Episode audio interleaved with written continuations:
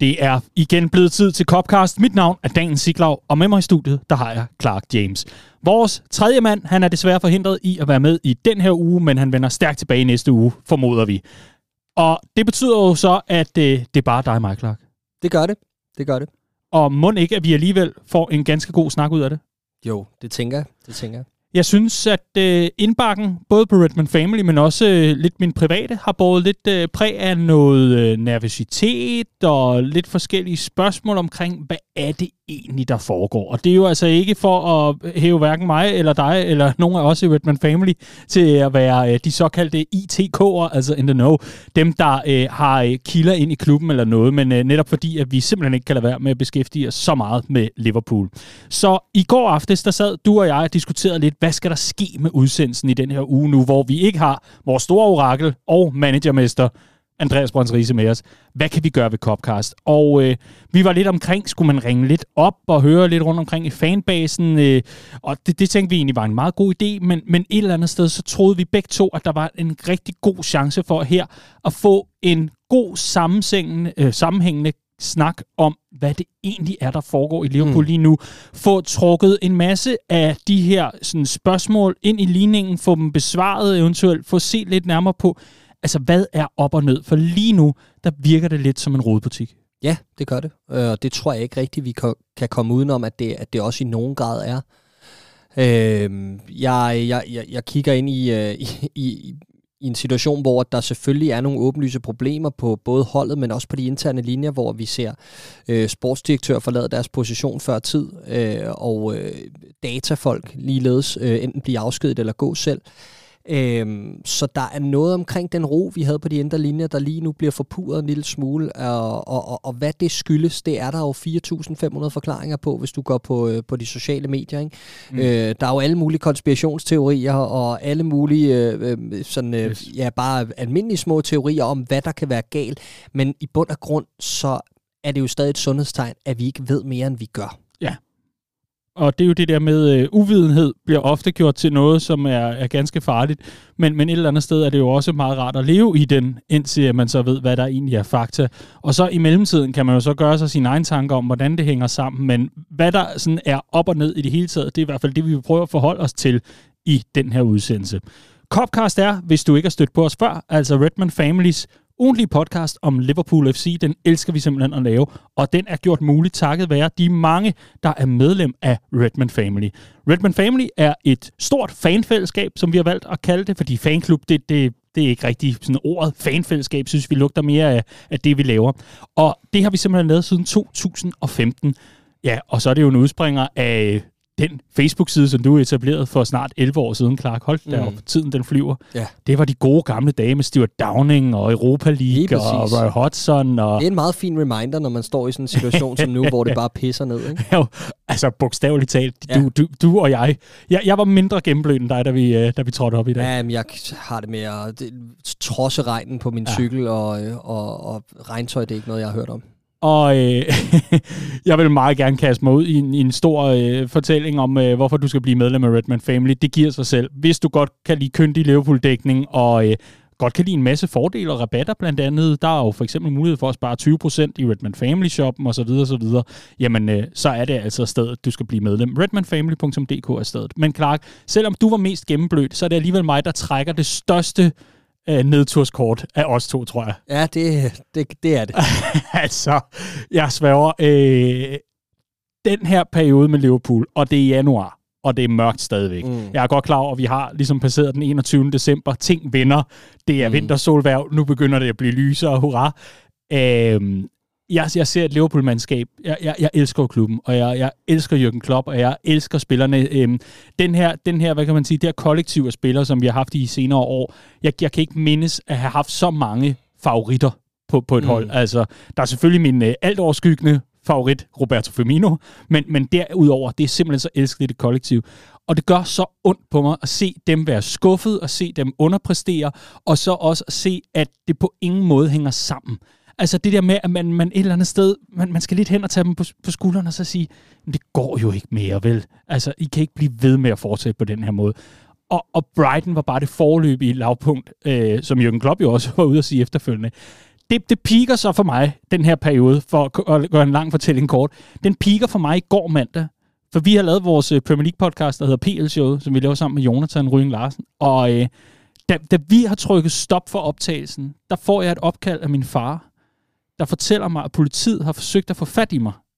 Og så kan jeg jo godt se, at der er to gange hemmeligt nummer, der ringede, men altså, det, er jo sådan noget telemarketing mm. lort, ikke? Vil du have Kristi Dagblad i otte år? Altså, nej.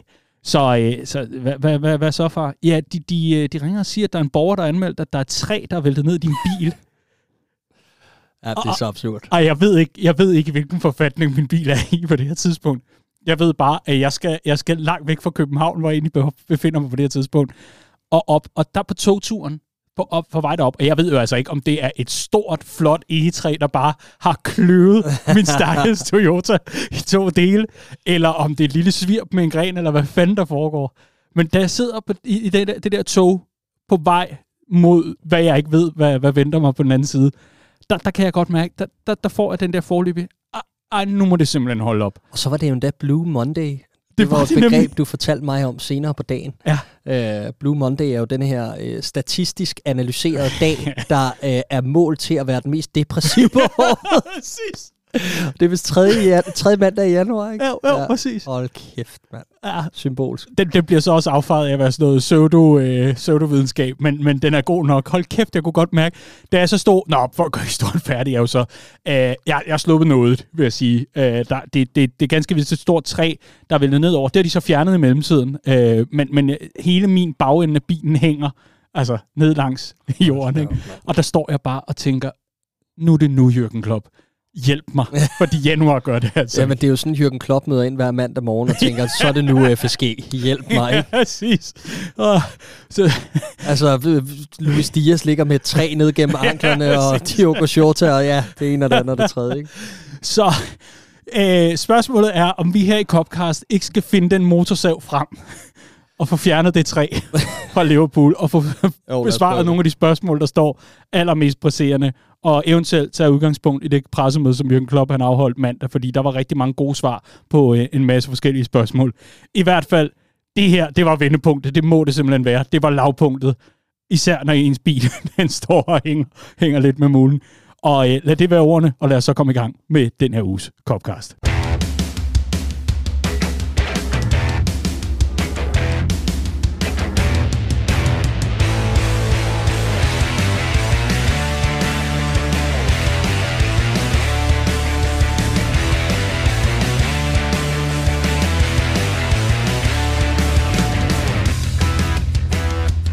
Den gode Jürgen Klopp, han sagde det selv på bagkant af nederlaget på øh, 3-0 til Brighton. Der var han ude at sige, at aldrig havde han oplevet et større lavpunkt end det nederlag. Og det siger alligevel en del for en mand, der har været i nedrykningsræset med Dortmund, der har oplevet Liverpool-mandskab falde fuldstændig sammen og tabe 7-2 til Aston Villa, der har taget finaler og som har stået i nogle fuldstændig sindssyge situationer, blandt andet under pandemien. At han går ud og siger efterfølgende, det her, det er det værste, jeg har oplevet indtil videre. Det var alligevel opsigtsvækkende. Ja, det var det, men jeg mærker også en portion skyldfølelse i det. Øh, fordi de andre kampe, du nævner, der føler jeg lidt, at det har været spillerne, der har øh, der ligesom har øh, komplet underpræsteret eller ramt en off-day, især på Villa Park, da vi taber 7-2. Øh, også i andre sammenhænge, når vi kigger på store nederlag. Det her, det var så forventeligt og øh, så åbenlyst, at vi ville få problemer i den her kamp, og Jürgen Klopp gjorde intet fra et taktisk synspunkt for at konsolidere det her hold, altså for at gøre svære spil mod. Vi spillede som et naivt ungdomshold mod det her Brighton-mandskab og løb lige ind i det her kæmpe store svær øh, som, øh, som Brighton havde stillet op. Og det, øh, det er uacceptabelt, og det kunne du også mærke på Klopps reaktion bagefter, at, at det synes han også selv, det var. Og jeg tror, det var meget indadrettet, øh, hvorimod de andre gange har det været sådan en forundring, han har stået med bagefter og tænkt, hvad fanden var det her? Det ligner ikke mine drenge. Det her, det var nærmere en, en flovhed, som jeg så det, over, over at levere det her over for, for de medrejsende fans. Fordi det var også en af forklaringerne for Jürgen Klopp, at han synes, at det var, øh, det var smukt at stå efter kampen og have tabt 3-0 og har været så ringe, som man har været, at mærke den opbakning, man har sydpå. Liverpool har en kæmpe following øh, nede i Brighton og sydpå, og det er også noget, han omtaler på det her pressemøde, som du øh, lagde op til, Daniel.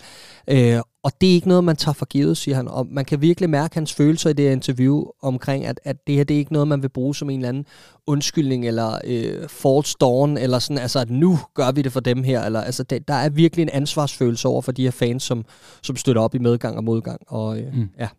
Man kan jo sige, at udgangspunktet for Jürgen Klopp i forhold til det her opgør, det var jo, altså, det er jo de samme spillere, han har at gøre godt med, og så er der selvfølgelig en, en række skader, som uh, spiller ind, så efterhånden er vi en smule decimeret på uh, en, en, en del positioner. Skaden til Darwin Nunez gør intet godt for Liverpools offensiv, hvor vi jo i allerhøjeste grad har levet meget højt på den evige, konstante trussel, han trods alt har udgjort sammen med Mohamed Salah i bagrummet. Det har været lidt vores uh, one-trick pony, om man vil, at uh, man kunne ikke vide sig helt sikker, trods alt, fordi øh, der lå altså en, øh, en lynhurtig angriber, som øh, ganske givet stadigvæk er en kaospilot, men øh, som absolut øh, gør meget væsen af sig offensivt. Og så en Mohamed Salah, som jo øh, som oftest i hvert fald har øh, tordnende højt bundniveau. Den her gang, der var det altså uden David Nunes, og det kunne man også godt mærke i en offensiv, der på dagen var fuld fuldstændig tandløs. Der var altså nogen, der havde været øh, til dyretandlægen og fjerne de der skarpe, sylespidse bjørnetænder. Der var intet at komme med. Nej, det var der ikke. Det var der ikke, og det, det, du i tale sætter det jo meget fint, den her skadeskrise op foran er virkelig hård. På nuværende tidspunkt, hvor alt andet ikke fungerer, fordi det var jo lidt meningen, som jeg ser det, at det her det vil være en overgangssæson. Da vi starter, så ikke fra udgangspunktet, der havde man håbet på noget bedre selvfølgelig, men da vi starter sæsonen så skidt, som vi gør, og skaderne allerede begynder at havle ned indledningsvis, og det går op for os, at vi ikke kan få den midtbanespiller, som vi også havde negligeret i løbet af sommeren, men som vi ikke kunne få hen mod slutningen, da det gik op for os, åh oh, nej, lokummet brænder. Jamen efter der, der tror jeg, at det går op for os, at det handler om top 4 i år, og hvad der endelig kan ske i Champions League og i Cup-turneringerne bad er bare gone to worse, ikke? Øhm, skadeskris er en ting, men der er også bare mange ting fra et taktisk synspunkt og fra et trænermæssigt synspunkt, der er blevet begået nogle store fejl på den del. Øh, der er, har været en blind stedighed og tillid til nogle spillere og remedier på det her hold, som har fortjent en pause, har fortjent noget fornyelse, har fortjent noget gentænkning. Øhm, og det har efterladt Liverpool i en skidt situation. Og lige nu, der ligner det jo langt hen ad vejen frit fald. Ikke? Mm. Øhm, grunden til, at jeg alligevel sidder og var lidt tryg, da jeg hørte det her interview, eller det her pressemøde med Jürgen Klopp, det er fordi, at jeg for første gang i lang tid kunne mærke, at han er her, og for det andet, fordi at han er den mand, jeg mener, der er den bedste til at styre os tilbage igen. Apropos det her med, øh, at der er uro på de indre linjer, Klopp er et fremragende skjold i forhold til at dæmpe øh, det her cirkus, som øh, unægteligt øh, er, er en del af Liverpool Football Club, og, og i mange år har været det i moderne tid. Men siden Klopp kom ind, er der bare sket noget omkring det her. Han er en fremragende kommunikator, og en, og en, en, en virkelig dygtig mand i forhold til at være lojal over for sine medarbejdere. Så kan vi snakke om, at han har været overlojal over for nogle spillere på banen. Det mener han ikke Nej, selv. det mener han ikke selv, men han, jeg synes alligevel, at han giver lidt på det her pressemøde. Det kan vi komme ind på.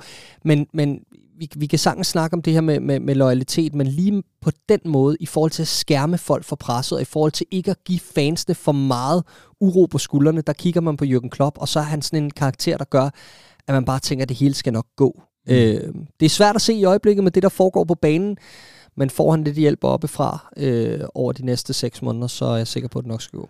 Absolut. Og øh, jeg vil sådan set øh, våge den påstand, at øh, Liverpool formentlig i det her opgør Altså, der, der kunne ganske givet være gjort nogle taktiske tweaks, men, men, øh, men man kunne ikke have gjort meget anderledes forstået på den måde. Når man er så lojal over for den gameplan, der er mm. i trænerstaben, så kunne du ikke forvente et andet, øh, ud, altså hvad kan man kalde det, udfald end, end nuværende. Nej. Fordi man, man fra Jürgen Klopp og Pep Linders side, det ved jeg jo selvfølgelig ikke, hvem der lige lægger gameplanen på dagen, men, men, men man fra trænerstabens side jo mener, at det her, det er kollektivet, det er den gamle sang, som vi har gentaget rigtig mange gange. Jeg tror efterhånden, der er nogle lytter, der er trætte af omkvædet, men det lyder meget eller de skal tilbage i form. De skal spilles tilbage i form. Men når stængerne ligner nogen, der har været ude at løbe et halvmarathon inden kampfløjt, mm. eller inden kampstart, om man vil, så, så bliver det et, et svært udgangspunkt. Fordi ja. så mangler der noget energi, så mangler der noget vilje. Og jeg tror efterhånden, at vi har bevæget os over i den zone nu, hvor Jürgen Klopp og trænerstaben som sådan, jeg forstår, at der ligger en underliggende filosofi men når filosofien gang på gang bliver hakket ned med et svær, nævner du så Brighton mm. her, eller en kniv, eller om, om man vil, jamen, så, så er der også efterhånden carte blanche til at gøre noget lidt vildt. Og det tror Mm. jeg et eller andet sted, at der er et savn i fanbasen omkring. At man savner en manager, der går ud og siger, det her, det er simpelthen ikke godt nok. Den rute, vi begiver, vi begiver os ned af, den er ved at gøre rigtig, rigtig ondt på os som kollektiv. Den forværrer kun den nuværende situation. Et er, at vores spillemæssige præstationer på ingen måde lever op til, hvad vi har af selvforståelse, men noget andet er, at mentaliteten, den også bliver dræbt af det her. Mm. Og der kan man jo sagtens se, at ja, ganske givet er der skader, men jeg tror ikke, der var en eneste Liverpool-fan, der havde rynket på næsen over at se en Ben Doak fra start i det her opgør, for Nej. eksempel. Altså det der med, at der bliver rystet en pose, og man går ud og siger, at nu er pladserne ligesom op for grabs. Mm. Go. Ja, helt enig. Helt enig. Ærgerligt, at den Stefan Bajsetic var, var skadet op til det opgør, og heldigvis klar igen. Fordi det er også en spiller, jeg synes skal kastes ind i mixet, især fordi han har nogle friske stænger ind i midten. Han har noget selvtillid fra at score sit første Premier League-mål i slutningen af året. Øh, og var lige så stille, også sin første start mod City mm. i, i, i Liga-koppen i øvrigt. Øh, var stille og roligt begyndt at vokse på det her hold. Og det vigtige for sådan nogle unge spillere er, at det ikke bliver sådan nogle sporadiske indhop, fordi det vokser man i sidste ende ikke af. Det er jo ikke tilfældigt, at Harvey Elliott kommer hjem af en anden spiller, efter han har spillet en fuld sæson i Blackburn. Altså, det handler om at give de her spillere noget tillid og give dem nogle minutter på nogle svære tidspunkter også. Og lige nu, der er det et svært tidspunkt. Men er alternativet så meget bedre? Altså, er det så meget bedre at blive ved at spille mm. med de her seniorspillere, som konstant underpresterer? Altså, der er jo nødt til at ske et eller andet. Og hvis ikke vi kan gå på transfermarkedet, som vi angiveligt ikke kan, og jeg tror faktisk, jeg har sådan en fornemmelse af, at det handler om, øh, at man stadig er fuldstændig forelsket i den rette øh, spiller på den position, som vi alle sammen ved, der skal forstærkes på, og det er på den centrale midtbane. At man så formentlig skal kigge på mere end en spiller, det er noget andet. Mm. Øh, men jeg tror, at man ligesom har lukket døren. Man stadig har denne her øh, model, der hedder, i stedet for at gå på kompromis, jamen så skal vi have den rette. Heller, hellere få den rette om seks måneder, end øh, en, en B-løsning nu her. Ikke? Mm. Og i og for sig kan jeg jo godt forstå den tankegang. Problemet er bare, at de her øh, alarmklokker, de ringer altså for alvor nu, og der er ingen tegn på, at vi retter skuden op, medmindre vi får noget seriøs hjælp på skadesfronten, hvor der kommer nogle spillere tilbage. Og jeg så godt, at hele Liverpools PR-mølle var også i gang mandag med at fortælle os, at uge nu er Luis Dias i gang med at lave øvelser på øh, AXA. Uge nu Shota er formentlig tilbage mod Real Madrid. Ja, men begge tidslinjer er langt ude i fremtiden, og med det, vi ser i øjeblikket, der løber Liverpool konstant ind i nederlag. Mm. Og, Og man, kan, man, man kan så sige, øh, det der med videoer af øvelser på træningsanlægget, lad mig lige øh, minde øh, lytterne om øh, de dejlige videoer, der kom af Virgil van Dijk og Joe Gomez i sin tid. Ikke? Åh, oh, Ja. det var bare et spørgsmål om tid. Ja, det var det i allerhøjeste grad. Og så blev det preseason, før de var i nærheden. Ja, ja, præcis. Der håbede man jo netop på et, uh, et spring return, om, om man vil. Clark, øh, jeg, jeg synes, der er blevet talt rigtig meget om, om de her nederlag. og Jeg synes, at mange af problemstillingerne er de samme. Og med fare for at gentage os selv, det vil, det vil det jo netop være at sidde og gå i dybden med, hvad der sker her. Vi bliver overløbet, vi bliver overmatchet, vi øh, taber øh, langt flere dueller, end, end vi burde. Øh, der var nogen, der lidt småironisk øh, var ude at påpege Jürgen Klopp efter øh, nederlaget til, øh, til Brentford, må det have været, var ude at sige, nu skal vi ud og vinde flere dueller. Eller også mm. var det kamp mod øh, Wolverhampton. Mod det er Wolves, også ja. ja. Det er i hvert fald Wolverhampton. Et af de opgør, der var undervældende i øvrigt. Men var ude at sige, nu skal vi vinde flere dueller. Det gjorde Liverpool også. Øh, man, man gik frem med én duel, så fra 36 ja. til 37 dueller ud af 72 mulige eller sådan noget. Det var, det var i hvert fald Nogle ganske 90, tror jeg. ja, faktisk, et ja. endnu vildere tal. 80 Så eller 90, ja. glimrende. I hvert fald, pointen består i, så meget forbedring var der heller ikke. Og dermed, der kan man også køre sådan død i analysen omkring, det er problemet, det er problemet, det er problemet. Jeg tror, jeg vil prøve at zoome ud fra det spilmæssige, og så vente på, at den gode Brøns Riese er tilbage her i studiet, hvor vi for alvor kan dykke ned i for eksempel nogle af de taktiske dispositioner. Hvordan var placeringen af Thiago på dagen mod Brighton? Det er også noget, der er blevet fremhævet. Var der andre spillere, som måske burde være blevet skiftet ud noget før? Burde Jürgen Klopp have gjort noget for, for trænersbænken osv.? Det kan vi dykke ned i en anden god gang ved et andet opgør. I stedet for, Clark, så tror jeg, at vi øh, skal zoome helt ud og så se nærmere på situationen nu og her. Fordi du fremhæver igen, at Jürgen Klopp og klubben tydeligvis, det er i hvert fald noget, der, der minder om, har en eller anden idé om, at det skal være den rigtige. Det skal være Jude Bellingham, ikke? Ja, og, Og, og, og, det, og, og det er jo det, det handler om. altså, og det, det tror jeg, der er mange, der sidder tilbage i deres liv. Jeg tror, vi alle sammen har siddet mm. i en Mm. situation, om det har været med øh, kvinder, mænd, kærester, whatever, altså, øh, om, at det skal være den rigtige, ikke? Og selvfølgelig, der er et drømmescenarie Mm. og så videre. Men, men, men, men når, når alt kommer til alt, har Liverpool ikke stadigvæk altså markeringen af en stor, fed losing fra sommerens transfervindue, Jo. hvor den rigtige, han rykkede til Real Madrid, jo, Jo, lige præcis. Og, og, og dengang var det jo, var det jo tutet som, altså da Klopp han skriver sin øh, nye kontrakt tilbage i april måned, øh, april og maj, ikke? Mm. Øhm, der får journalisterne jo briefet, at det betyder samtidig, at øh, mange af de spillere, som vi tror er færdige, de er ikke færdige. Der er mere energi i en James Milner, der er mere energi i nogle af de her gamle drenge, og det mærker vi jo bagsiden af medaljen på nu. Men den anden del var, at Liverpools helt store transfermål i, og, og næste skridt var øh, Aurelien Tchouameni og Jude Bellingham. Altså det var de to spillere, man ville gå efter. Ikke? Øhm, ideelt havde man fået en sidste sommer, og en igen denne her sommer, der kommer. Ikke? Øh, og så øh, havde situationen helt sikkert været en anden, men hvis og hvis min røv og spids og alt det der. Øh, jeg er helt enig med dig. Det der, det der jo netop bonger ud for mig, når, når vi sidder og har den samtale, det er, at det er jo to spillere, og der mangler jo ligesom stadig det ene led. Ikke? Øh, og Tchouameni er jo mere sådan en skraldemand, en sekser, øh, en moderne sekser godt nok, han kan mere end det. Men det mangler vi jo også, og det mangler vi måske allermest akut lige nu. Ikke? Øhm, så det, der undrer mig, er, fint vi gerne vil have Jude Bellingham til sommer, men det har vel ikke rigtig fjernet Tchouameni-pengene, har det det? Altså, forstå mig ret, hvis det var begge spillere, vi gerne ville mm. gå efter, så burde vi jo gå ud nu og, øh, og, og købe en Moises Caicedo. Altså, han spiller over for os i, i lørdags, og han ligner en mand, der kunne tage vores midtbane øh, øh, op til duel ene mand, ikke? Altså, han bare kunne sige, hvis I andre bliver hjemme, ja. så har jeg den her. Altså, øh, en fremragende spiller med masser af fremtid i samme aldersprofil, godt og vel, som Tchouameni, ikke? Inden for et, et, et år eller to, øh, og med Premier League-erfaring, og, og han ligner lige præcis meget det, vi, øh, vi har brug for, ikke? Øh, men af en eller anden grund, så virker det som om, at vi, vi holder på pengene for, at det, for lige at se sæsonen an, eller er det fordi, der er et ejerskifte, der er på vej, og vi, øh, vi er restricted i øjeblikket i forhold til ikke at kunne bruge penge, eller hvad? Altså, der, der er noget der, der ikke helt hænger sammen for mig. Men Øhm, jeg, jeg, jeg ser også, at der er den mulige spillebrik i forhold til, at vi ved, at pengene sidder altså øh, ikke løst på den måde. Øh, jeg, jeg, jeg tror, John Henry han havde fået fire blodpropper på én gang, hvis, øh, hvis han havde haft en Todd Bowley-figur i nærheden af sig. Ikke? Altså, hold da kæft, der er virkelig forskellige måder at gå til tingene på. Her refererer jeg selvfølgelig til Chelseas øh, ja, nuværende ejer, som øh, virkelig formår at få brugt nogle penge. Men, men øh, der er jo også en situation, hvor en Sadio Mane lidt ud af det blå, for manges vedkommende, i hvert fald, gå ud og siger, det var det, nu vil jeg på nye eventyr, er blevet lidt nøset, er blevet lidt både af agenter og repræsentanter for Bayern München. Kunne det være nu, du skulle prøve det sidste sådan, store fodboldeventyr, inden, så, altså, inden din karriere lakker mod enden? Og det går han jo selvfølgelig med på. Liverpool får en nogenlunde sum for en spiller, som ellers ville være gået hmm, gratis den her sommer, går jeg ud fra her. Så, så der er ikke mange penge tilbage. Det kan man så mene om, hvad man ved i forhold til kontraktarbejde. Er det særlig godt håndteret? Det er en ting. Men noget andet er, at lige pludselig skal Liverpool ud og finde en fuldgod angrebserstatning på den ene eller anden måde, mm. fordi vi kender Diogo Jotas skade, skadesprofil.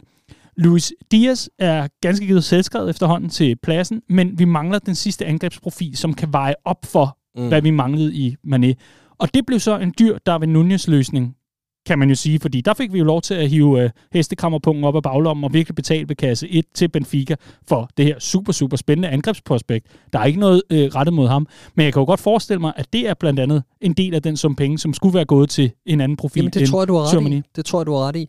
Og det er jo, det er jo vildt, at det er sådan, vi opererer i, øh, i, øh, i Liverpool FC, med tanke på, hvad der foregår i klubberne omkring os. Ikke? Men, men det er vilkårene, og det tror jeg netop er hovedet på sømmet, det der.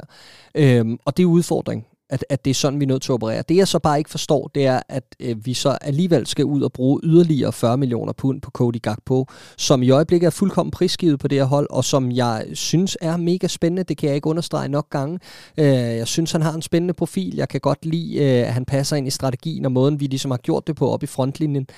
Men jeg synes bare, at med tanke på lige netop det, vi lige har ridset op, så virker det som en luksussigning. Altså, det virker lidt som, som noget, der godt kunne komme i næste række, efter vi har kigget på den midtbane. Ikke? Øh, og så, øh, fordi, lad os, lad os bare lige gøre det op. I de to kampe, Cody Gakpo har spillet indtil videre, og det skal nok blive bedre, det er der ingen tvivl om. Det skal nok blive meget bedre, når han får skelettet omkring sig med de rette spillere, som er begyndt at, eller kommer tilbage fra skader. Alt det her. Men i de to kampe, han har spillet øh, for Liverpool, du skal ikke fortælle mig, at det havde været meget anderledes med Ben Doak. Mm. Altså, det er jo ikke meget, der er kommet fra Cody Gakpo, vel? Oh. Så, så hvad havde, altså det, når vi er ude i de her sådan ekstremer, hvor vi er nødt til at opveje det ene frem for det andet, jamen så er vi også nødt til at kigge på, men havde det betydet så meget at kaste, for vi er alligevel i gang med at kaste Ben Doak for løverne. Han får jo op i Premier League mm. alligevel. Så hvorfor skulle han ikke bare lige her på den korte bane have den spilletid, som kunne give ham noget, for at vi så kunne, uh, kunne mm. konsolidere midtbanen og blive et bedre hold, når de her spillere er tilbage fra skade? Jeg tror også efterhånden, at der er en del fans, der sidder tilbage med et, altså nærmest ønsket om, jamen altså, hvis det er William Kvist eller Leon Andreasen, bare der sker noget. Altså, de er nærmest mm. klar til at smide hvilken som helst spiller ind i, i loopet, bare for at se noget nyt. Og undrer sig måske over den mangel på aktivitet, der finder sted. Undrer sig over den tilgang, der er, fordi det, som er vigtigt for at øh, gøre samtalen her lidt mere kvalificeret, det er jo også at tage Jørgens øh, ord for pålydende. Og ja. det han jo blandt andet også ud at sige, det er, at det er jo ikke fordi, at vi ikke vil have gode spillere ind. Nej. Men det handler om kontraktsituationen. Det handler om at de tilgængeligheden. Og der, der, der sidder jeg måske lidt tilbage og undrer mig over, jamen, jeg, jeg, jeg forstår 100% ønsket om at få mm. en halvdyr løsning. Det må man jo sige, at en Moises Casedo efterhånden er ved at blive, og på grund af det her transfervindue og de priser, der efterhånden finder sted, jamen så begynder det, prisfastsættelsen altså lige pludselig var meget, meget høj fra start. Så der er, er Liverpool lidt ude af loopet, kan man sige, i forhold til, hvad vi egentlig har lyst til at give for det. Men, men, men jeg, jeg tror også, der er mange, der sidder tilbage og tænker, jamen, hvor er Andy Robertson midtbanesigningen? Hvor er altså det næste, de der mm. kloge køb, som så kunne udvikle sig, kunne komme ind og give den fuld skrald fra, fra start, og ikke være på 100% i forhold til potentiale, mm være længere nede selvfølgelig, men, men på ingen måde sprænge budgettet osv. Jeg, jeg tror bare, at der er en mange, der ser den her stillstand og inaktivitet som værende dybt forunderlig, eller dybt, dybt underlig og mærkværdig, når man kigger tilbage på og ser, at vi sagtens har kunnet løse andre problemer billigere, bedre, med, med, med andre forskellige alternative tilgange til, til tingene. Ja, men når, når vi kigger tilbage, det kan jeg godt forstå, og det, det er jeg til dels enig i, men når vi kigger tilbage i tiden og kigger på de signings, så er det også noget tid siden, at vi har lavet de signings, og det er jo ikke tilfældigt. De her signings skete, da vi var på vej frem, da vi var en, en underspillet øh, spiller på det internationale marked, så at sige. Da Liverpool var sådan lidt en, en, en underdog, og en ingen rigtig regnede med. Nu har vi altså spillet os op i en position, hvor vi er blandt Europas elite. Vi er øh, en af de klubber, alle kigger mod i forhold til øh, at, at kopiere den model, der har været indtil for et år, to siden, whatever, men i hvert fald under Klopp i hovedparten af tiden.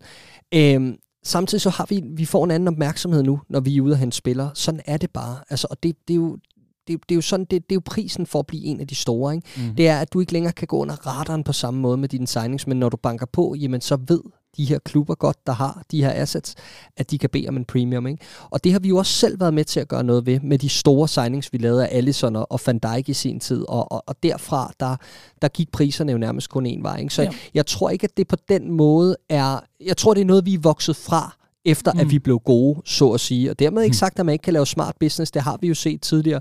Vi har set os hente en shorter til nogle fine penge, gak på i samme, øh, i samme pr- øh, price range, Luis Diaz det samme. Ikke? Men vi er stadig op på et niveau, der er Salah-penge, der mm. er Mané-penge. Altså, det er jo i det her spektrum minimum, vi skal op og hente, før vi kan, før vi kan forbedre startelveren. Fordi en anden ting er også, da Andy Robertson kommer ind, der kommer han jo ind. Han er jo lidt et projekt, forstå mig Han var jo ikke en, en ready-made starter.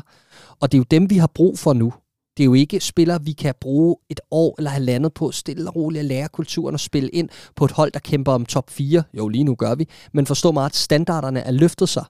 Og det gør også bare, at dem, vi skal have ind, de skal kunne starte og være klar fra go, og det koster altså mere end 8 millioner på. Ja, ja, klart, klart. Jeg, jeg tror også, der, der bare er nogle muligheder i forhold til Jamen for eksempel at så sige, godt, vi kompenserer for et kontraktudløb, der kommer til sommer. Det kompenserer vi med x millioner pund for, for det er bedre end at lade den, hvad kan man sige, sælgende klub stå tilbage med en spiller, der løber kontrakten ud, i hvert fald ud fra et økonomisk synspunkt, for eksempel, medmindre mm. man decideret siger, godt, vi tager den.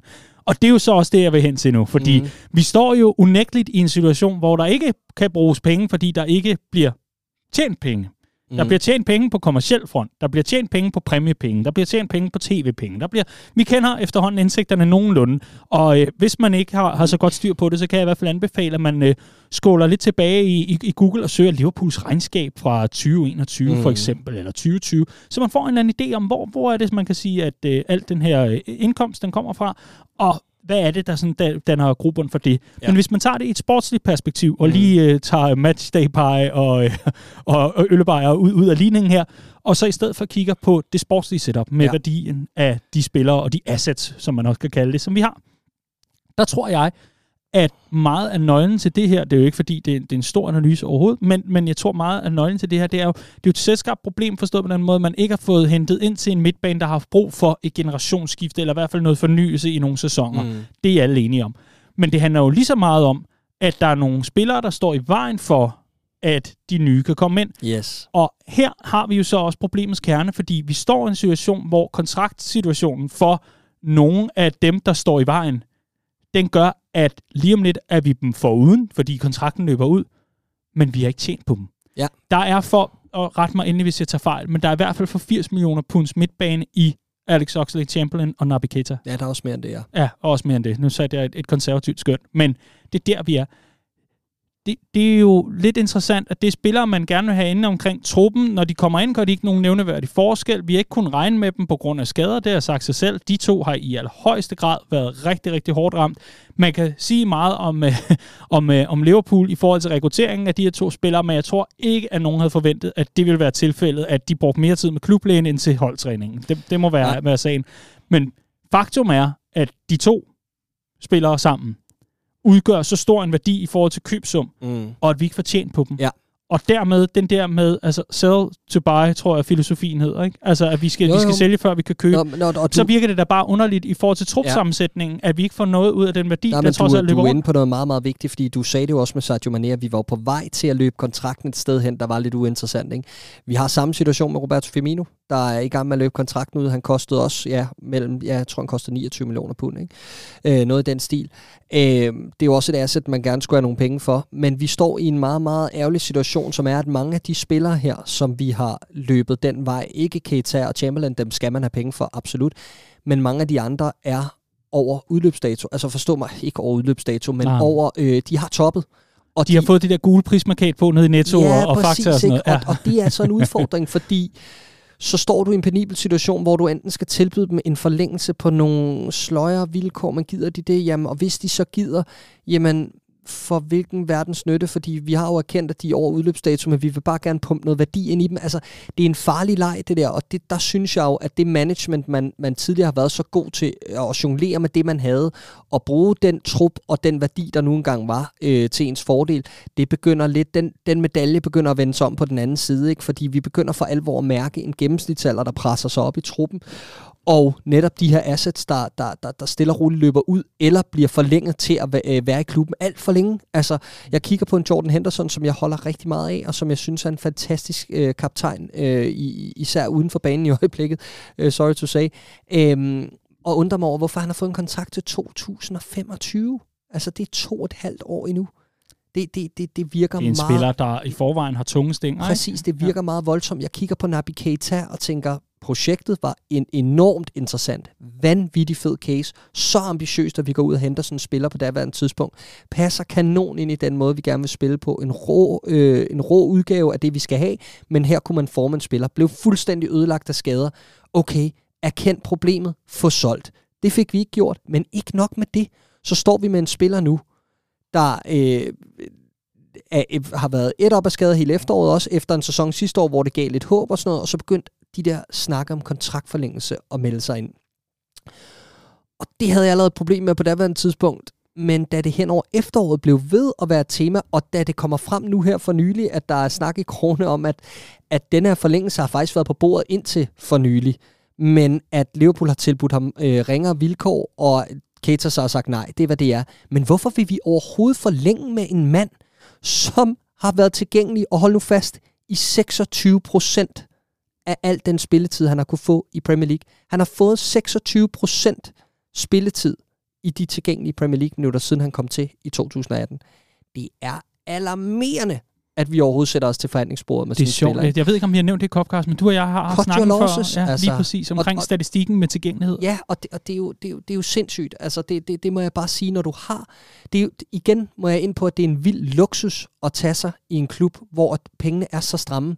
Der er du nødt til at være klogere i forhold til at bruge pengene ordentligt. Mm. Og især hvis det er undskyldning, vi bliver ved at vende tilbage til, at, at Klopp siger jo det her med på pressemødet i går, at man kan ikke bare hente spillere ind, hvis der ikke er nogen, der... Altså, jo, vi kan godt erstatte en spiller, men det kræver for det første, at vi kan få ham, og det kræver også, at der skal gøres plads til ham, ikke? Altså, for fan. Jeg øh, lavede lige en lille opgørelse. Det er jo vigtigt at sige, når man sidder og taler hvad, værdi af spillere, og når man sidder og taler om, øh, at man, øh, man, skal, man skal se at få solgt osv., der er jo også den mulighed, at spilleren kan simpelthen stå i vejen for et eventuelt salg og sige, prøv her, jeg kommer til at sidde med kontrakt ud, færdig arbejde. Jeg, jeg vil ikke ud og, øh, og, og prøve noget nyt i, i den her henseende der, der lader det dog til, at der har været nogenlunde sundt øh, miljø i omkring Liverpool, omkring afklaringen af, hvad, hvad skal der ske, hvad skal der ikke ske. Okay, man får lov til at løbe sin kontrakt ud, for eksempel. Men jeg synes alligevel, det var interessant at lave sådan en lille øh, ris op af, af nogle af de spillere, som vi har lavet gå gratis i forhold til den værdi, som de jo unægteligt stadigvæk har haft, for eksempel i transfermarkedet. Fordi det er jo på mange måder en del af det her, og det er en del af fortællingen. Coutinho-salget var det, der gjorde Alisson og Van Dijk muligt. Det er i hvert fald den store folklore, den store fortælling. Så hvis det her det er grundfilosofien og grund dernede, også i forhold til, man kan sige nok så meget om, at FSG skal være inde eller ude i forhold til Liverpool, det er også en snak, vi skal have, men, men når, når det er grundfilosofien og kernen i den sportslige forretning, vi har kørende i Liverpool, så er det alligevel også op, altså, øh, bemærkelsesværdigt, at jeg kan bare nævne spillere, Emma Chan, Adam Lallana, Origi, Storage, Moreno, Wijnaldum, Karius, Klein, Markovic, Balotelli og det er jo også fair nok. Jeg ved, der er mange forskellige cases i det her. Hver, man kan ikke bare kylde det ind i en pulje. Mm. Men jeg synes alligevel, det er interessant at se, hvad var deres samlede værdi, hvis man kigger på, øh, altså inden for eksempel via Transfermarkt har sådan en glimrende mm. værdianalytiker. Der kan man sige, der er mange ting, den ikke så højt for, men alligevel så var der for, for over 100 millioner euro her, mm. som for eksempel kunne bruges til mm. i den her årrække at få forstærket til en midtbane, der havde brug for det. Ja, ja. Og det her, det er bare spillere i Jürgen Klopps tid, der har lavet kontrakterne løbe ud.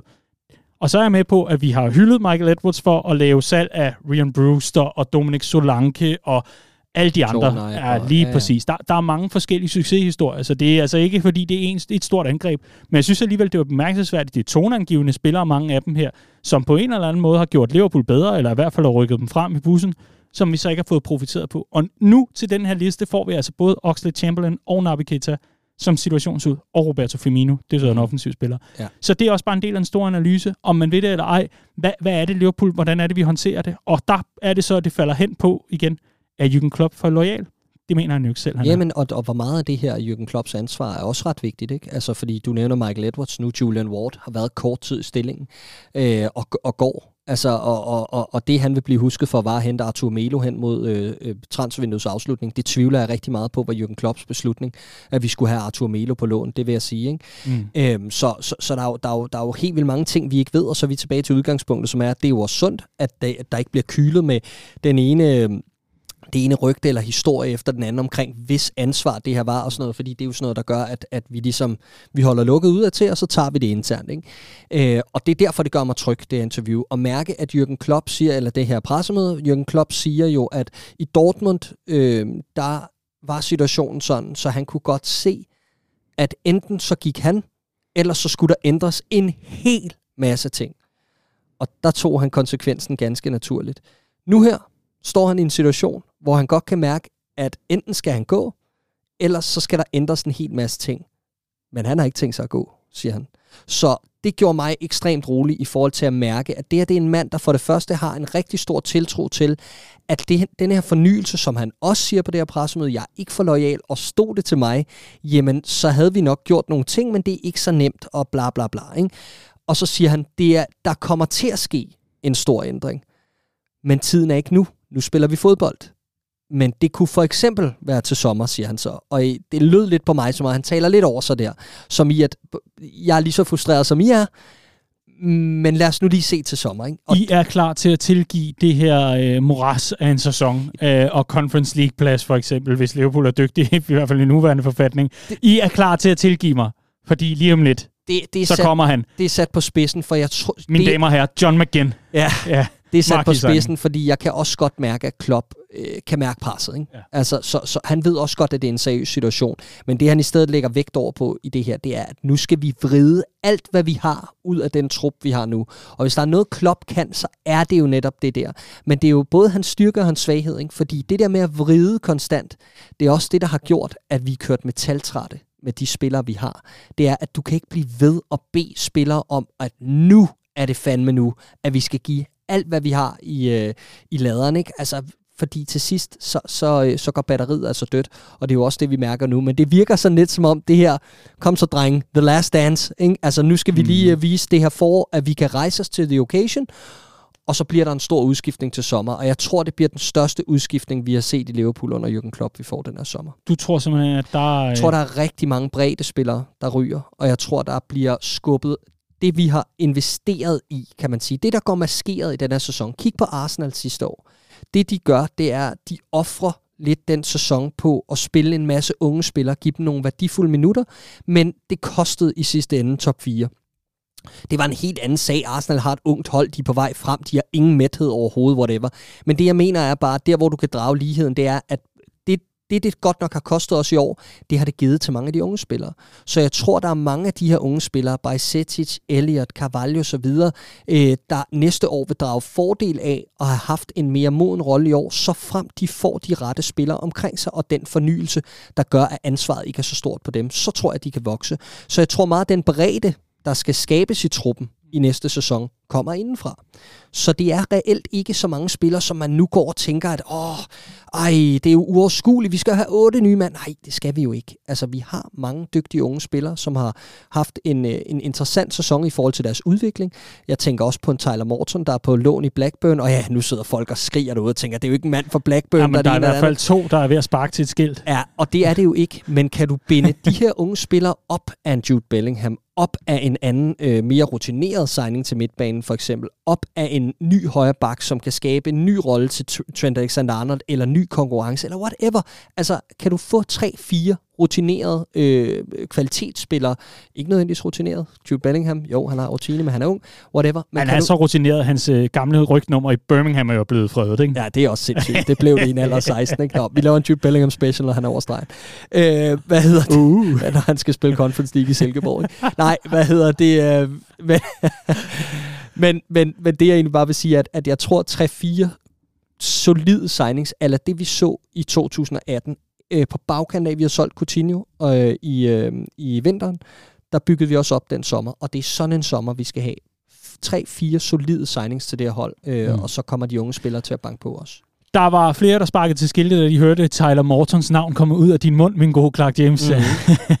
det var bare et eksempel. Men jeg tror også, at der måske er nogen, der sidder og siger, jamen for helvede. Altså, det er jo igen en, øh, en mand, der er blevet fuldstændig fortryllet af FSG og Jürgen Klopps øh, tryllespind omkring, at åh, næste sommer bliver det, og næste sommer. De har mm. set mange falske sommer. Mm. De har set mange sommer, hvor den her fornyelse og den her forbedring ikke er kommet. Jeg køber 100% din analyse af, at det er det, der skal til, og at det også er at det, jeg vil for, kunne forestille mig, var konsekvensen af det, at Jürgen Klopp vil ikke acceptere endnu en sommer, eller den, vi havde sidste sommer, hvor der ikke kom fornyet ja, forstærkning til en midtbane. Min pointe er, at blot, jeg tror, og det, jeg tror ikke, jeg ved, jeg kan mærke i store dele af fanbasen, og her er mit udgangspunkt, altså den med, med, med dansk pas, som vi ser ind i Redman Family, kommentarspor på Facebook, det skal man ikke bruge til alverden, men også dem, jeg, jeg taler Liverpool med i, i løbet af sådan en uge, at der er en enorm stor skuffelse omkring, at det skal være på den her måde. At det skal være, at så bygger vi til sommer. Når de har set på et Liverpool under Jürgen Klopp, der siden 2018, det skal vi altså lige huske på, det er, det er, altså det her forår er det fem år siden, vi stod i Kiev. Det var en helt mm. anden Kiev dengang i øvrigt også, men stod, stod i Kiev, Champions League-finale under Jürgen Klopp. Mm. Okay, nu sker der noget. Ja. Liverpool back on the purge. Altså nu er vi deroppe, ja, ja. hvor vi, hvor vi sådan kan mærke det. Og at det ikke har været, at man har bygget på det og vedligeholdt det og sørge for, at det, det, det, det for alvor er blevet ved. Man har set de der sæsoner, hvor det er dykket helt ned. Så kan man sige, kan man afskrive 2021-sæsonen til en midterforsvarskrise? Ja, det, det er der nogen, der vil mene. Men, men jeg tror, at der, der er en anden sådan forventning om, at vi agerede anderledes. Og så er man så blevet positivt overrasket omkring, at man kan gå tog til tog og gå med i fire turneringer hele sidste sæson og sige, okay, det er fandme imponerende. Det er Jürgen Klopp, der er ved at underskrive, eller i hvert fald skrive og, og markere sig som en af de største managers i fodboldens historie i forhold til, hvad han havde til rådighed. Så kan man mene, at der er nogen, der er bedre. Ja, ja. Ganske givet hurra for det. Men, men pointen består. Og som så set i det, jeg har sagt, det var fandme imponerende. Nå, hvordan sørger vi så for, at vi vinder det mesterskab, og vi vinder det Champions League-trofæ? Fordi hurra for Carabao Cup Nå, men det var jo det, vi gjorde i 2018, da vi lavede den store øh, hvad hedder Yes. det, investering. Men siden da er den jo udeblevet. Og, det, og det, det, det tror jeg sådan, at hele essensen af det er, at jeg tror ikke, at- folk er blevet øh, mindre Liverpool-fans. Altså det, det er ikke det, jeg kan mærke en afmatning i forhold til, hold kæft for, det er deprimerende at se meget af det samme. Det er Groundhog Day at tænde for tv'et, eller tage Mm. ned på poppen og se Liverpool lige for tiden. Det er meget den samme lussing, man løber ind i. Det har vi været inde på, den samme kniv Mm. at løbe ind i. Men, men, men, men at der er sådan en skuffelse over, at, at den, der, den der kontinuitet og den der etablering, at man ser den være i fare. At man ser, at Arsenal der ud af det blå Ja, ja, lige pludselig men, begynder at, men at Daniel, gøre sig det- til som en det er mesterskabshold. enig Og, det, og det, det, det tror jeg bare er vigtigt at tage med i den her, hvor, hvor når, man, når man nu skal tage dine ord, hvis man skal tage dem for pålydende, så bliver, jamen prøv at, den kommer nu. Nu kommer Nej, den. nej, nej, den det- sommer, det er der løser det. det, det er bestemt ikke det, jeg siger. Øh, Jeg siger tværtimod, at vi skal ud og adressere det sekserproblem nu. Og, øh, og, og, og det er jeg rystet over, at vi, at vi vælger at prioritere anderledes med et køb af Cody Gakpo, så. så, så, så den er ikke så meget længere end det. Øh, grunden til, at jeg kigger optimistisk frem mod sommer, det er fordi, at det her interview for Klopp gav mig øh, nogle indikationer på, at vi er i gang og at han ikke er på vej ud af døren, så frem at der ikke sker noget i det her vindue. Altså, han kigger stadig længere frem, og så længe han gør det, jamen, så er jeg tryg, fordi jeg mener, at han skal være mand, der fører os frem i næste led. Jeg vil for alvor blive utryg, hvis jeg mærkede, at han var distanceret fra det, der foregår, fordi så vil den her uro fra de indre linjer sprede sig ud gennem døren, og så kan det være, at han er ude lige, lige om lidt, og hvad gør vi så, for alternativet er katastrofalt. Blandingen af den trup, vi har, de minimale ressourcer, som vi har, og ingen Jürgen Klopp vil være et katastrofescenarie, som jeg virkelig vil frygte for i forhold til klubbens fremtid.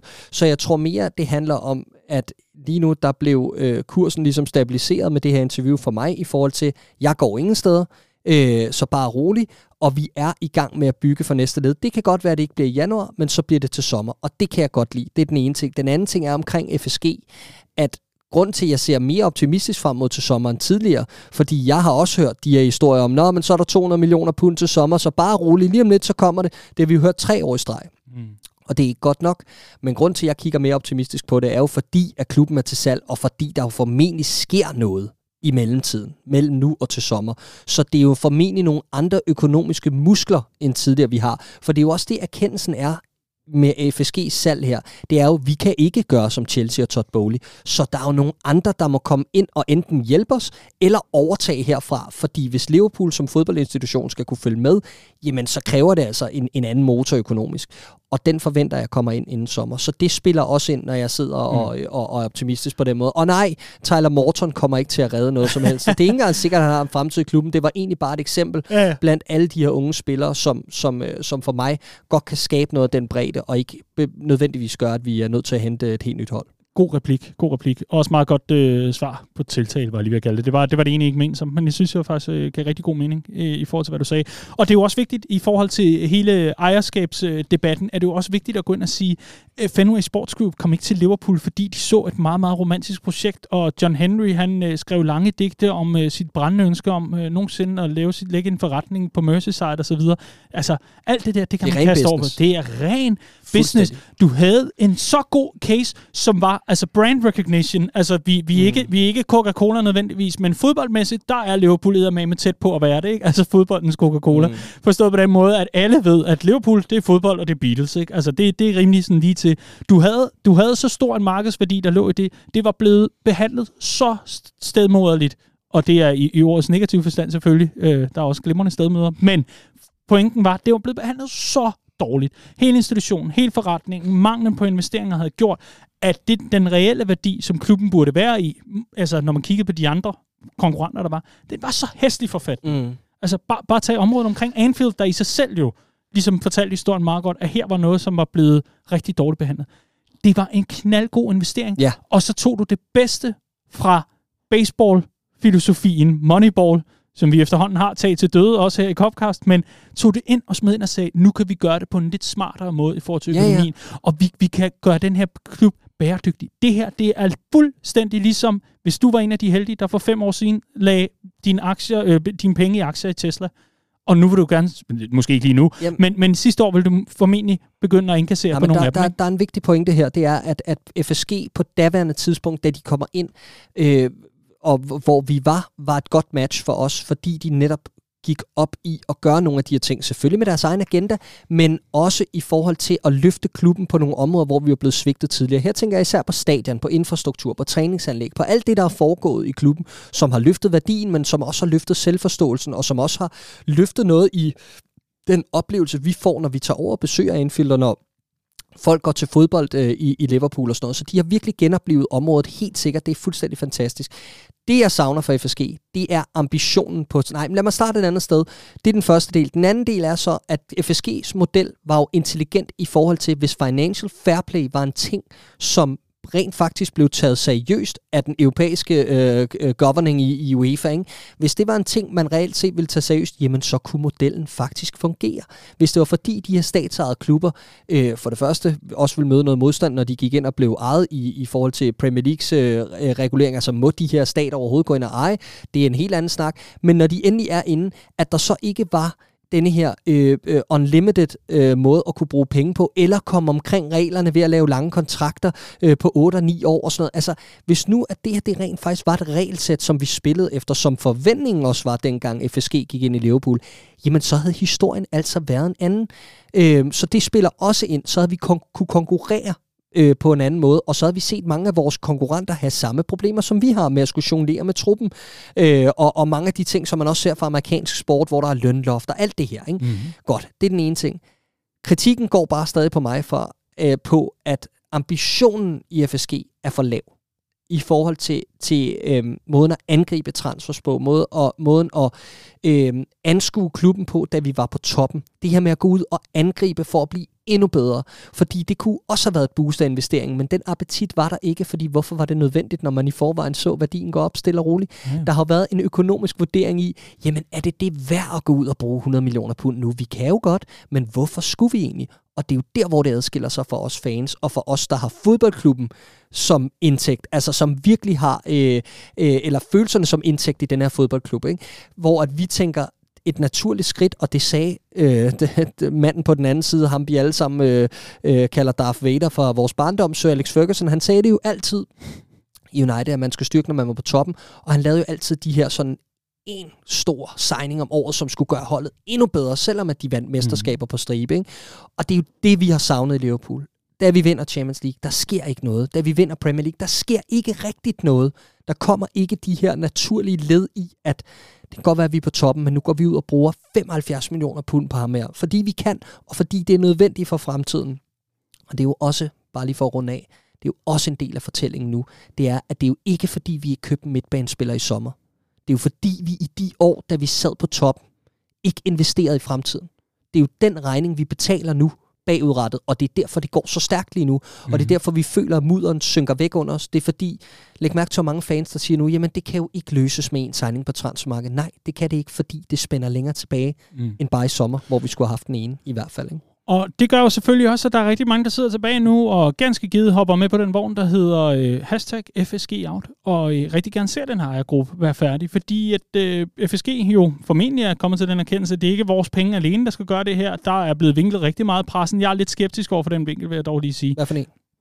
Den vinkel, der hedder omkring AFSG, øh, primært kigger efter øh, altså en, en, en medinvestor. Altså forstå mm. på den måde, der kommer nogen ind med, med en skud penge, men FSG sidder stadigvæk på, hvad kan man sige, det asset. Den er lidt skeptisk over for omkring, fordi det, det, det øh, synes jeg lugter lidt mere af, en, af, af noget, man, man sådan kunne forestille sig bare af arbejdsro.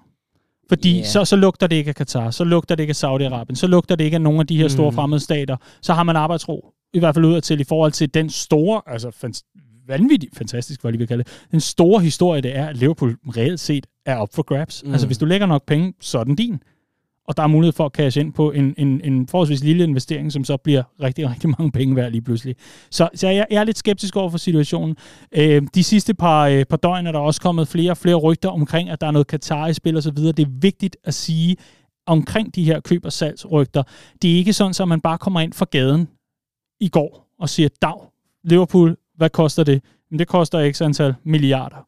OK, her er en kuffert og så er man lige pludselig ejer af Liverpool.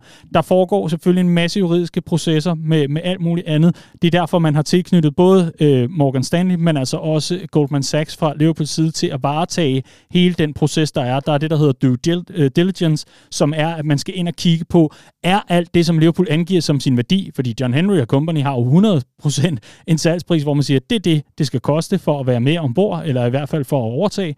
Der skal man ind og kigge på, jamen, hvad er aktier værd? Det her træningsanlæg? Hvad er Liverpool-stadionet? Mm. Anfield selvfølgelig, hvad, hvad er det værd? Og så videre, så videre, så videre. Og skal ind og gøre det igennem, ligesom man også skal tjekke pengene, sådan så at John Henry ikke lige pludselig står med en flaskebong på to pund og, ja. øh, og løftet om, at der skal nok komme nogle penge i morgen. Så det er en lidt længere proces selvfølgelig med en masse juridisk fiksfakseri, øh, var lige ved at kalde det. I hvert fald en masse juridisk arbejde. Fiksfakseri er det formentlig ikke. Eller det ved jeg så ikke skid om. Men kan man ikke formode. Clark, det, det der dog ligger i, i, i kortene lige nu, det er, det, det er en lidt underlig periode, og, og jeg kan ikke lade være med at sige, nu har vi været inde omkring skeps, altså den skepsis, der er. Vi har været inde omkring, at FSG ikke længere er hvad kan man sige, den rette ejerkreds i, i, i, det, mm-hmm. i den her klub har været det i ganske givet ja. nogle, nogle sæsoner, og har været med til at bygge og udbygge yes. og investere i klubben. Dog ikke nødvendigvis med egne penge, men i hvert fald med de penge, der blev fra indtægts af klubben, ja, ja, ja. så man fik lavet et bæredygtigt setup, etc. Når man kigger tilbage på hovedpointen, hvad kunne der ske mere? Ja, har det været fuldstændig håbløst og elendigt? Nej, det har det heller ikke, tror jeg, at, at den, den brede enighed, fordi vi har set værre ejerskabskonstruktioner, jo, jo, skal... og kan også kigge rundt på de der skrækeksempler, der er. Men de skal skynde sig at give stafetten videre, fordi det dykker meget, meget stejlt Absolut. Lige Deres aktie lige nu, den ligger Præcis. absolut meget lavere, end den gjorde, øh, inden sæsonen gik i gang. Lad, lad os sige, sige det som det er. Men, men jeg kan, jeg kan bare ikke lade være med at sige, nu, nu har vi afdækket det her. Vi har uge efter uge afdækket, der mangler den ene investering, der mangler det andet osv. Men klart, når alt kommer til alt, så er det jo også et Liverpool-mandskab under Jürgen Klopp, hvor statistikken, der er den her glimrende analytiker, der hedder Andrew Beasley, som laver en masse forskellige udregninger. Han er et glimrende Twitter-follower, ellers så skriver han lidt rundt omkring mange forskellige medier, Echo er han også forbi osv. Han, han gør det i det hele taget rigtig, rigtig udmærket med, med at gøre os klogere på, på rigtig mange ting han, han kigger også ind i tallene, og man kan jo også selv gå ind og kigge på Navigators tilgængelighed. For eksempel, de her skader er jo også bare en kæmpe del af fortællingen om den her sæson. Ja, men det er For havde alle været med fra start, det er jo måske en mirakuløs situation, baseret når man er Liverpool, men det er jo også en stor del af fortællingen, og den synes jeg altså, jeg, jeg savner at have den med i den store analyse af, ja. hvad der er galt i indværende sæson. For det er derfra, det er i det lys, at man skal se udtalelsen for Jürgen Klopp om, at vi har ikke et midtbaneproblem alene. Ja, ja, det er det. Øh, for eksempel, og, og, og, og det, det spiller helt sikkert ind. Øh, udfordringen for mig er, at, at vi, vi den der kalkulerede risiko, man tager med, med skader. Det, jeg synes, det her Liverpool-hold det kom frem på, var en, en, en utrolig interessant ting. En, en, en statistisk, øh, en, en, en statsanalyse af, hvilke spillere, der kunne gøre det her hold bedre. Smarte signing, som du var inde på i Robertson. Wijnaldum, der ikke engang var rigtig central midtbanespiller i Premier League. Det var han, da han spillede i Holland. Men var kantspiller, bliver omskolet til at være øh, en, en, en blodhund inde på midten, fordi øh, vi havde set nogle ting. Det, altså, der var nogle statistik nogle, nogle, nogle sådan, hvad hedder det, nogle stat- statistiske parametre, der ligesom bongede ud og, og gjorde, at vi var utrolig skarpe i vores rekruttering. Øh, det er sammenlagt med, at vi øh, også scoutede efter spillers skadeshistorik, øh, gjorde, at vi var vi lige pludselig meget, meget hurtigt fik en stærk core, en meget, meget stærk startelver, som vi kunne regne med, mm. og som vi kunne binde vores håb op om, selvom vi ikke havde en særlig bred trup. Og det er jo en styrke for et hold, der ikke har de store ressourcer, at kunne regne med de spillere, du sætter på banen hver weekend. Klart. Problemet er, at når du kigger ind i skader og sådan noget med forstrækninger og knæskader og sådan noget, så er der jo sådan en ting i, at når du først har haft den første, jamen så bliver det nemmere at få den næste. Mm. Og det synes jeg, vi er forbigået lidt i vores udvikling når du kigger på, hvordan vi scoutede til at starte med, og så har vi den der blinde forventning om, jamen, de her spillere, de er jo ikke skadet særlig ofte, så hvis bare vi holder os skadesfri, ja ja, men år for år, som de her spillere for det første bliver ældre og har haft skader tidligere, her tænker jeg også på en Van Dijk, som jo er det perfekte eksempel på det her, scoutet til at kunne spille alle kampe, og derfor lagde vi også den premium, fordi han er aldrig skadet, og der er low risk i forhold til at betale den pris, og han spillede jo alle kampe. Om det var Cup, om det var Liga. Og i indeværende sæson. Og han lignede jo ikke en, der var uh, træt. Han lignede ikke en, der nogensinde uh, var belastet, fordi alt omkring ham fungerede. Han kendte sin rolle. Uh, han skulle nærmest ikke ud og løbe i nogle kampe, og når Amen. han skulle, så var han suveræn. Ikke? Nogle af de compilations. Men så får han den korsbåndsskade, og så kan vi altså ikke bygge op på samme måde på bagkant. Og det er jo bare én Et eksempel. Alex Oxlade-Chamberlain, okay, han havde nogle skader tidligere i karrieren, men var begyndt at komme over dem, så vi køber på det rette tidspunkt. Det var smart. Så får han denne her forfærdelige knæskade et lille års tid senere.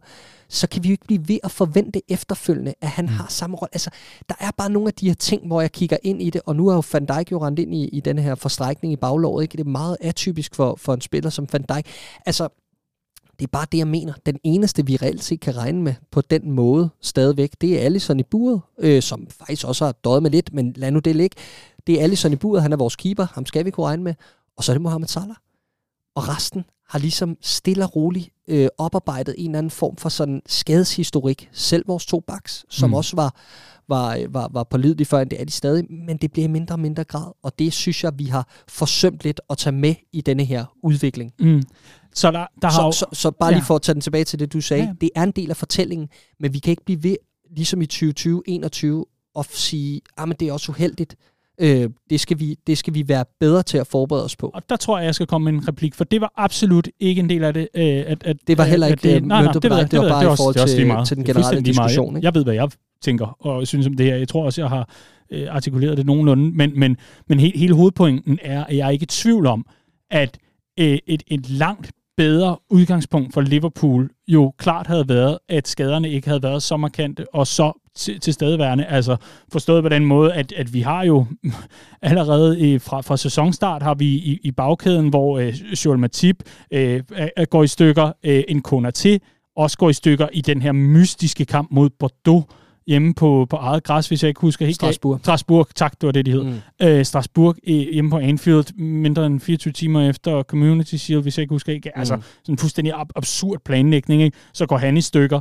Øh, vi, vi, vi, har, vi har skader, der begynder at nage, også omkring en, åh, oh, men det har været en rigtig god preseason. Ja, så har vi både Oxlade Chamberlain og Keita endnu en gang på skade, øh, skade. Så har vi Diogo Jota, der også går i stykker. Vi har en Luis Diaz, der også går i stykker.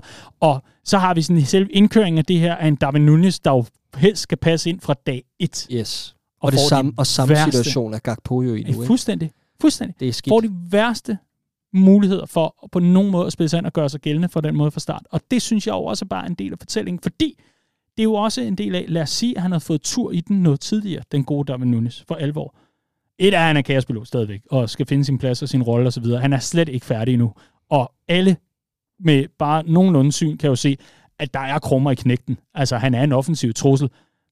Han skal bare være mere kynisk på, på de situationer, ja. der er. Han skal, han skal være langt mere kynisk. Sådan er det.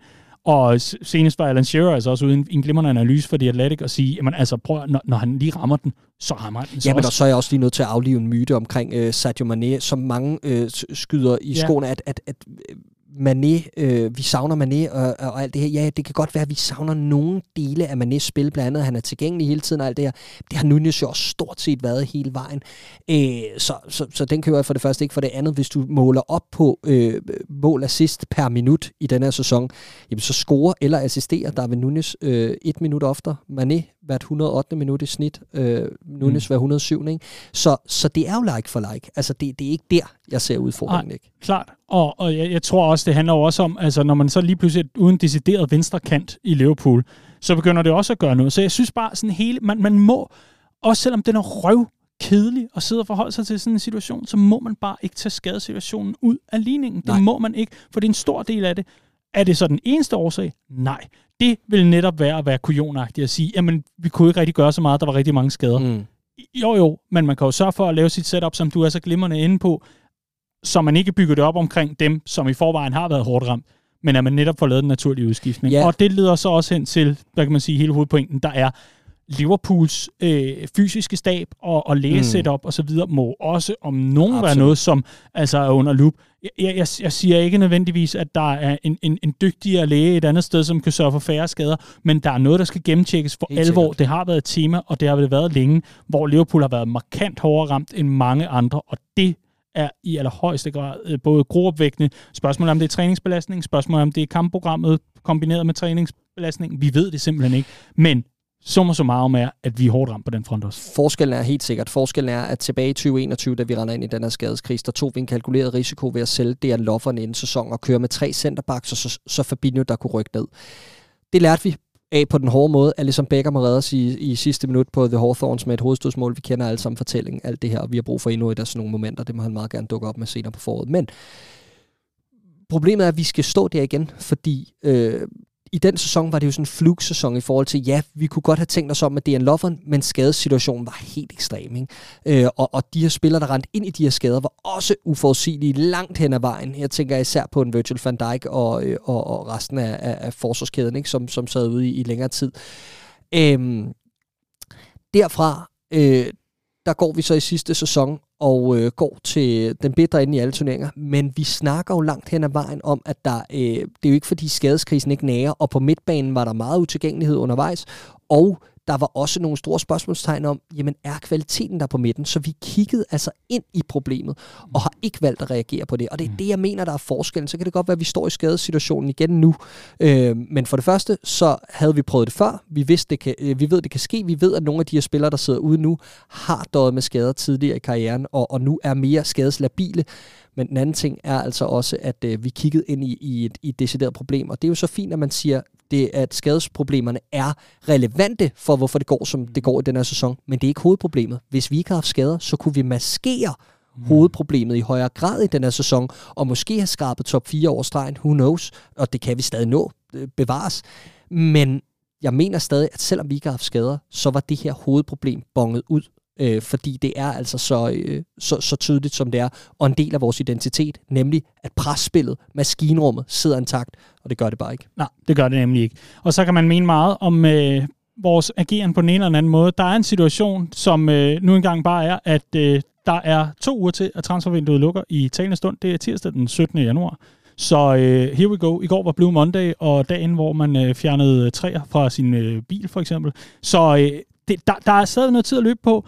Og øh, vi kender klubben godt nok til at vide, at den er hermetisk lukket omkring, hvad der foregår nu. Det er slut med de dage, hvor James Pierce, ah, men han vidste godt, hvad der skulle til at ske, og så stille og roligt begynder han at drøse. Der er lukket. Der er simpelthen lukket for det varme vand, og øh, dem, vi troede var øh, virkelig, jamen nærmest, hvad kan man sige, øh, sub-sportsdirektører i, i setup'et, de, de ved ikke så frygtelig meget mere, og det ved det er vi kun Paul ikke. Joyce, så han siger ikke så meget. Nej, præcis, fordi han har lært det. ja, præcis. ja, går ikke og fortæller alt for mange ting. Men øh, afslutningsvis kan vi sige, at vi kommer selvfølgelig til at holde øh, tæt øje med det, og vi kommer stadig til at dække det inden for redmanfamily.dk.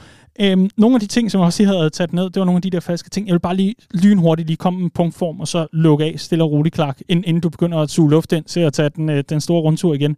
Øhm, jeg skrev selvfølgelig tabet af Mané som, øh, som en af undskyldningerne lige nu, eller i hvert fald en af forklaringerne på, hvorfor vi er der. Det er bare det der med, at vi var inde på, når et, et problem bliver kedeligt nok, så prøver vi at finde på nogle andre ting. Yes. Det var en af dem. Den anden ting var Pep Linders bogudgivelse, og Pep mm. Linders øh, figur. Han har haft mere at sige, og siden da, der er Liverpool gået ned ad bakke jeg vil rigtig gerne have bevis for den påstand, mm. at hans indflydelse nødvendigvis har haft en negativ effekt på det her ja, setup. Ja, samme, fordi det går lidt i de her konspirationsteorier. Og Forstå mig ret. Det er fair nok, at man kan kigge på ja, noget re- rekruttering og se, at det går måske mere i retning af noget, som Pep Linders mm. har haft at gøre med i Portugal, hvor han har været træner. Det, Julian Ward har også et stort, Martos øh, også. et stort netværk der. Martos har også været i Portugal, så vi har en stor del af staben, der, der, der retter sig i den retning, og det skal Klopp også lytte til i forhold til rådgivning og sådan noget. Men en anden ting er jo også det her med Cody Gakpo, der lige pludselig kommer ind en hollænder, ligesom Linders, og en, en mand som Linders til hollandske, en hollandsk journalist tilbage i november beskrev som The Missing Link og sådan nogle ting. Så der er jo selvfølgelig nogle ting, hvor der begynder at være lidt pipen i krone, og noget, hvor man godt kan øh, rynke lidt på øjenbryn over, har han fået større indflydelse, også i forhold til rekruttering. Men reelt set ved vi ikke en fucking skid. Som det jo hedder på øh, godt gammeldags dansk, ja. som Emma Gad ville have sagt det. I hvert fald så er det jo også vigtigt at pointere her, at den kritik, som jeg godt kan følge lidt hen ad vejen, det er øh, iscenesættelsen af en assistent på den måde. Der ligger 100% også en, en ambition om, hvis jeg nu kunne blive kørt i stilling til at være aftageren for klub. Det gør der. Der ligger en manager i maven på ham. Det har han selv været ude i et interview ja. og sige, det interview har han været ude at lave. Han har været med i Coaches Voice i stedet for Jürgen Klopp for at fortælle om 4-0-sejren over Barcelona i det her YouTube-format tidligere. Jeg tror, man har set videoen. Men tror du, det er hans beslutning? Ikke nødvendigvis. Det er slet ikke det, men han bliver positioneret, hvor kritikken blandt andet har været på, her er en bogudgivelse for dig. Her er endnu et interview om dine managerambitioner. Du er meget, meget præsent i forhold til, at du også får pressemøder på nogle af Carabao-kampene. Du er på den ene eller anden måde fremhævet, hvem er assistent i, i Arsenal, hvem er assistent i City. Det er ikke på den måde lige så markante figurer. Arteta var det i City, ikke? Jo, klart, men ikke længere vel? Så, så her, her er vi. Det, det, der, det, der, det, der sådan er hele hovedpointen har været for, for de kritikere, der har været, det har været, hvor, hvorfor er han så meget frem? Det kommer mm. til at skabe støj og så videre. Igen, det, det er det der med at finde navlefnuller i stedet for yeah. at kigge frem og så se det, det store træ, der ligger ned over din Toyota. Ikke? ja, ja, jeg ja, men, virkelig stadig men, over men, men prøv, det er heller ikke for at tage Pep Linders i forsvar, fordi jeg kan også godt øh, følge ja. kritikken. Øh, jeg tror bare, vi skal passe på med, og øh, jeg tror bare, var det gået godt, så var der ingen, præcis. der havde pipet om præcis. noget som helst. Vel? Præcis, lige præcis. Rekrutteringen havde folk nok stadigvæk været beklaget over, men omkring Pep Linders, 100%, din pointe består. Og så den sidste ting, det er den der evindelige Klopp syv års forbandelse, hvor man prøver at tage Liverpools situation ned over, altså Jürgen Klopp og, og, og det der med de syv år i henholdsvis Dortmund og Mainz, og så lægge det ned over Liverpool. Hvis man er i tvivl, så kan man finde Ralf, Ralf Honigstein, tror jeg, han hedder jeg selvfølgelig. Øh, Rafael Honigstein. Ja, lige præcis. Honigstein. Øh, og bogen om Jürgen Klopp. Så kan mm. man læse den. Og hvis det ikke er nok, så kan man gå på Wikipedia. Hvis det ikke er nok, så kan man gå på YouTube. Man kan gå mange forskellige steder. Der er rigtig mange gode steder at læse om fodbold på. Og så kan du bare prøve at tage de forskellige klubber og læse lidt om dem. Og læse lidt om situationen. Tag årstallene med en mente. Du kan på ingen måde kopiere en til en x antal år. Altså Jürgen Klopp har jo ikke vundet Champions League med Mainz. Nej, og, og oplevet det pres, der kom efterfølgende. af, at større klubber kom og pillede hans spillere konstant. 100%. Og det sagde Klopp jo meget tydeligt, da vi sælger Coutinho. Ja der var det tydeligt for ham, at det her det er en one-off. Det ja. her det er en endestation for spillere, det er ikke et springbræt. Og øh, det synes jeg, der er blevet gjort alvor af efterfølgende. Øh, at, at man smutter i sommer, det er jo ikke fordi Bayern er en større klub end os, og går ud og tager ham, og vi vil så gerne holde fast på ham. Det var jo reelt set en overvejelse, som hed, ja, der skal ske en fornyelse. Hmm, et år tilbage af kontrakten. Okay, vi kunne også bare lade ham køre ud, og så havde man ikke pipet en eneste, øh, en eneste gang om det. Der er et sundt setup, som stadig består trods den her manglende succes øh, på banen. Og det er jo det, der er til forskel for Klopp i Dortmund og Mainz og i Liverpool. Og det er derfor, jeg heller ikke er i tvivl om, han stadig har energien. Jeg forstod godt de her øh, den her skepsis, der var omkring øh, 2021-sæsonen, da vi taber seks hjemmekampe i streg, og det hele så helt nakkert ud, og egentlig meget hen ad, langt hen ad vejen spillemæssigt på niveau med lige nu, at man tænkte, uh, er det sådan, altså har han mødt muren, men det han beviser i sidste sæson, at rejse sig på den måde, gå til ja, den bedre inde i, i, på alle fire fronter, men nogenlunde samme trup, det fortæller mig, et, truppen har ikke mistet tiltroen til Jürgen Klopp, og to, han er ikke udkørt på nogen måde, og det, det kommer han slet ikke til at være på, ja. øh, på, på baggrund. Slet ikke, skal man ikke sige, men det tror jeg heller ikke, han kommer til at være på baggrund, baggrund af det her. Men øh, i hvert fald er det også en af de ting, der bliver hævet op. Igen, det der med problematisering. Og jeg kan da godt forstå det, når der har været en manager tilpas længe, så skal man jo også kigge på, at det ikke ender ud i for eksempel en Arsene Wenger-situation. For det må jo være skrækscenariet for rigtig, rigtig mange. Der kan vi kigge på en mand, som ikke udviklede den klub, han stod i spidsen for til sidst som desværre stod i vejen for den udvikling, som var så dybt nødvendig for, at Arsenal kom tilbage på det spor, som man så er tilbage på nu. Og det er så med nogle andre virkemidler osv. Så, videre. så selvfølgelig, det er en fuldstændig retfærdig kritik. Det skal jo altid være sådan, mm. at man kan være kritisk mod manageren, når Liverpool ikke vinder fodboldkampe. Det må der være ambition, 100%. Jeg synes også bare, det er vigtigt, og det håber jeg, at denne udsendelse vil være med til at, at hjælpe med, at tage nogle af de der helt afgørende elementer med i sin overvejelse, mm. sådan så det ikke bare bliver en hurtig, øh, nå ja, men er det ikke også syv år, han har været i klubben? Jo, jo, det, det er det da ganske givet, men, men hvis vi kigger på alle de omkringliggende faktorer. Prøv at give ham nogle penge, og, og så lad os se, om han ikke kan genopleve det her hold, det er jeg overbevist om. Og prøv at kigge på en manager og se, hvor meget han har opnået i forhold til de udfordringer, han har haft foran sig, og så se en manager, der har lært de fejl, han har begået. For det mm. tror jeg er det vigtigste. Også i forhold til at være menneske, og også i forhold til at være Liverpool-manager. Så here we go. Der er rigtig, rigtig mange gode ting at diskutere endnu. Og øh, jeg synes, at øh, overvejende er, øh, det er selvfølgelig en lidt hissig debat for tiden, øh, men jeg synes faktisk, at øh, der bliver formuleret nogle rigtig, rigtig gode tanker og øh, pointer omkring debatten i Liverpool. Vi kan ikke komme udenom, at når debatten sådan, for størstedelen af tiden foregår ind på sociale medier, jamen, så er det jo også i den lille prisme, der hedder sociale medier anno 2023. Det er meget kort for hovedet oftest, og øh, hvis der kan snige en bræk-emoji med ind i en kommentar, jamen så bliver der da også det, fordi at det, sådan er tonen nu engang. Det er i hvert fald det, vi bestræber os på her i Redman Family, at det, det niveau er vi over. Så det gider vi heller ikke se på. Det er jo måske også derfor, der er nogen, der har stødt på, at øh, en kommentar eller to er blevet fjernet i løbet af et par minutter, hvis man har siddet og skolet igennem, og så, hov, hvor var den kommentar lige før? Det er at vi er 100% med på, Tal at man... ordentligt. Ja, præcis. Tal ordentligt. Og man er 100% med på alle de kommentarer omkring, Klopp skal fyres. Fint, lad det stå. Det må stå for egen regning. Men ledsaget af bræk emoji og alt muligt andet, det der infantile niveau, det hopper vi lige over. Det er bare ikke hjemmebane hos os. Tænk dig om, tal ordentligt, Lige ellers så præcis. må du smutte. Lige præcis. Og lad det igen være en opfordring til, at hvis man har lyst til at komme med sit besøg, så gør det. Lad være med at være bange for at blive blæst bagover, fordi igen, det er mennesker, du nødvendigvis ikke kender. Fellow Reds, I holder alle sammen med den samme klub. Lad være at holde dig tilbage. Fordi et er at komme med ambitionen om, nu skal vi tale ordentligt. Jeg tror ikke, at vi kan opdrage hele verden. Det er slet ikke det, jeg er ude på. Eller det er ikke min mission. Jeg er tværtimod ude på lige at få kridtet banen op omkring, det her, det er sådan, vi opfører os, det er sådan, vi taler.